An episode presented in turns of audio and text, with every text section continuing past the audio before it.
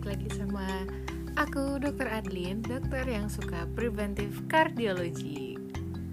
Kali ini pas banget kayaknya di hari jantung nasional. Oh, bahkan salah, aku salah. Bahkan hari jantung sedunia ya. Kita tuh enaknya ngomongin penyakit yang paling berhubungan sama jantung kali ya. Atau yang orang-orang pasti udah tahu hipertensi. Sebenarnya seberapa sih yang bener-bener dibilang hipertensi kalau misalnya kamu ke dokter terus habis itu kan diukur tuh tekanan darahnya. Terus ada yang bagian atas sama ada yang bagian bawah. Jadi yang bagian atas itu namanya sistolik atau tekanan pas saat jantungnya itu mompa pas lagi ngeluarin darah dari bagian jantung. Nah itu untuk yang atasnya dan untuk yang bawahnya itu namanya diastolik. Diastolik itu adalah fase saat jantungnya itu ngisi. Nah, yang atas itu yang namanya lagi mompa, tekanannya pasti lebih tinggi kan dibanding waktu saat dia nerima. Nah, itulah definisi dari apa yang mm, kita lihat kalau misalnya habis pengukuran tekanan darah. Nah, normalnya berapa sih? Yang paling basic yang orang-orang udah tahu itu 120 per 80. Nah, untuk guideline yang terbaru sebenarnya di atas 120 itu kita udah bisa bilang dia elevated atau udah bisa kita bilang naik terus kapan sih dibilang hipertensi atau kalau misalnya udah takut-takut Nah, semakin ke sini itu sebenarnya guideline itu semakin ngeset standarnya itu lebih rendah. Maksudnya lebih rendah adalah naik sedikit aja udah dibilang hipertensi. Karena apa? Karena kita takut kalau misalnya dibiarkan atau dibiarkan bener-bener gak terdetek atau kita lalai takutnya malah terjadi outcome yang buruk di masa depannya. Makanya sekarang itu stage 1 aja itu ada di 130 per 80 nah kalau misalnya stage 2 itu di atas 140 per 90 nah itu yang paling baru. Jadi guideline yang paling ya dia sangat rendah sih standarnya buat bilang-bilang untuk di katakanlah buat dibilang hipertensi. Tapi nggak asal juga sih jadi misalnya kamu sekali pengukuran itu langsung dibilang hipertensi itu nggak langsung kayak gitu. Tapi minimal harus dua kali pengukuran Terus pas lagi diukur kamu nggak boleh sambil deg-degan atau kamu deg-degan takut sama perawatnya, takut sama dokternya, terus abis ribet-ribet daftar rumah sakit terus akhirnya kamu baru ditensi, ya pasti jelas tinggi tensinya. Jadi kayak kamu minimal istirahat dulu lah sekitar 15 menit, kamu santai, jangan mikirin apa-apa.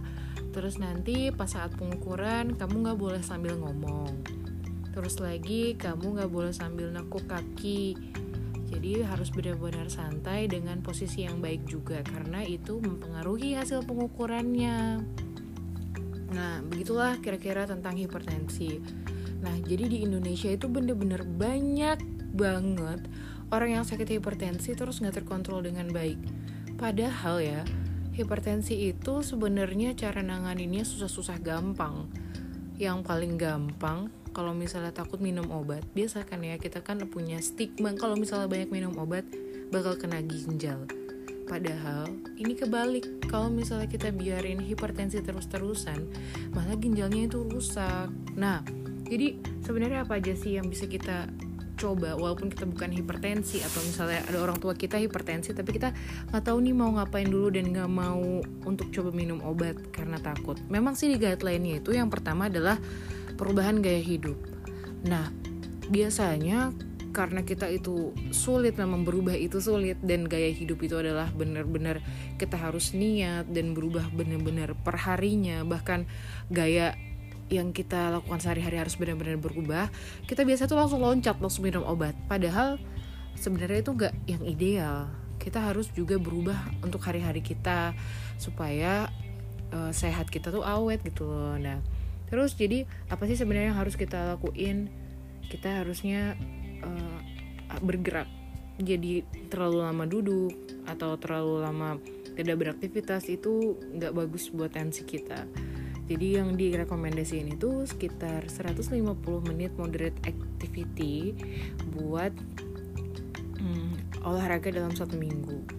Nah, terus habis itu untuk makanannya kita harus hindarin makanan-makanan yang asin Nah, jadi yang maksimum itu adalah 1500 mg per hari. Terus juga kita nggak boleh minum alkohol. Terus uh, buat yang rada-rada gendut, ya aku juga sih sebenarnya. Tapi kalau misalnya uh, turun berat badan itu bisa nurunin tensi juga. Jadi buat yang emang rada berat badannya agak tinggi, diturunin bisa bikin tensinya turun terus juga rokok jelas ya racun-racun di rokok itu tuh bener-bener jahat bukan buat cuma paru-paru. Tapi nggak berasa racunnya itu juga nyerang pembuluh darah akhirnya pembuluh darahnya jadi rusak. Dan kalau misalnya pembuluh darahnya itu udah kaku atau udah inflamasi ujung-ujungnya nanti akan melit itu menjadi sakit jantung di kemudian hari. Terus habis itu nih yang paling common nih apalagi yang tinggal di kota-kota besar dengan workload yang tinggi, stres, stres itu juga sama gitu. Misalnya banyak banget nih hal-hal yang harmful buat kita, kayak contohnya makanan, terus contohnya juga uh, aktivitas yang bikin stres, terus habis itu rokok, terus habis itu alkohol. Tapi sesimpel kayak pikiran kita sendiri ya, walaupun jadi ibaratnya kayak luka tapi tak terlihat. Itulah luka dari mental. Jadi kita benar-benar harus pikirin juga. Mental tuh kita harus benar-benar uh, fresh mikirnya. Kalau misalnya memang udah ngerasa overwhelmed terhadap sesuatu bisa curhat sama teman yang penting kalian tuh ada ventilasinya itu benar-benar mencurahkan apa yang ada di dalam diri kalian. Terus jangan dibiarkan ada sesuatu jika misalnya memang menemukan sebuah masalah, langsung ke ahlinya diceritakan gitu. Jadi uh, memendam itu sangat gak baik ya. Jadi benar-benar ada masalah diselesaikan, ada masalah diselesaikan. Jadi itu sih approachnya buat hipertensi. Dan ini adalah benar-benar sesuatu yang mudah-mudah gampang yang kalau dilakuin ini efeknya akan baik banget buat tubuh tapi kalau nggak dilakuin akan jahat banget. Contohnya nanti di masa depan misalnya hipertensi dibiarin ya. Satu bisa sakit jantung serangan jantung. Terus jantungnya bisa besar juga bisa gagal jantung. Itu untuk satu organ aja. Dua bisa sakit ginjal. Terus yang ketiga bisa juga sakit di uh, otak kita atau bisa kita bilang stroke. Dan tiga-tiganya itu menyiksa ya kan? Nah coba kalau dari satu faktor ini aja kita bisa kendalikan kita pasti akan sangat membantu banyak orang. Satu yang paling simple bantu keluarga.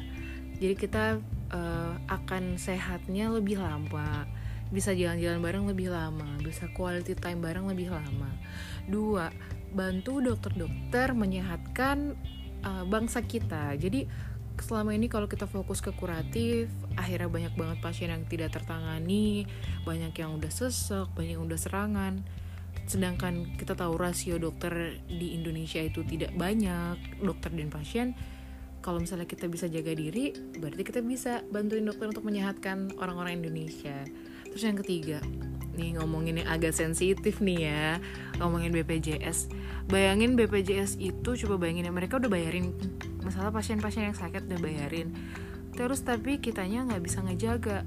Berarti kan costnya juga akan lebih tinggi. Jadi kalau misalnya kita mau fokus buat ngontrol hipertensi ini kita akan bantuin negara juga nih gitu. Mungkin kita banyak kecewa sama yang udah di sebelum-sebelumnya terjadi tapi apa salahnya sih kalau kita tuh bantuin juga supaya dari kita sendiri juga mengeluarkan positivity? Tapi balik lagi kalau misalnya emang kalian sebel terus mau ngeluh ya balik lagi ceritalah sama teman terus curhat. Yang penting tetap bahagia tetap di maintain dan semuanya balance Oke, gitu aja sih tentang hipertensi kurang lebihnya. Semoga bermanfaat ya. Tetap stay tune di sini dan nanti aku akan record lagi untuk penyakit-penyakit yang berhubungan dengan kardio. Bye bye.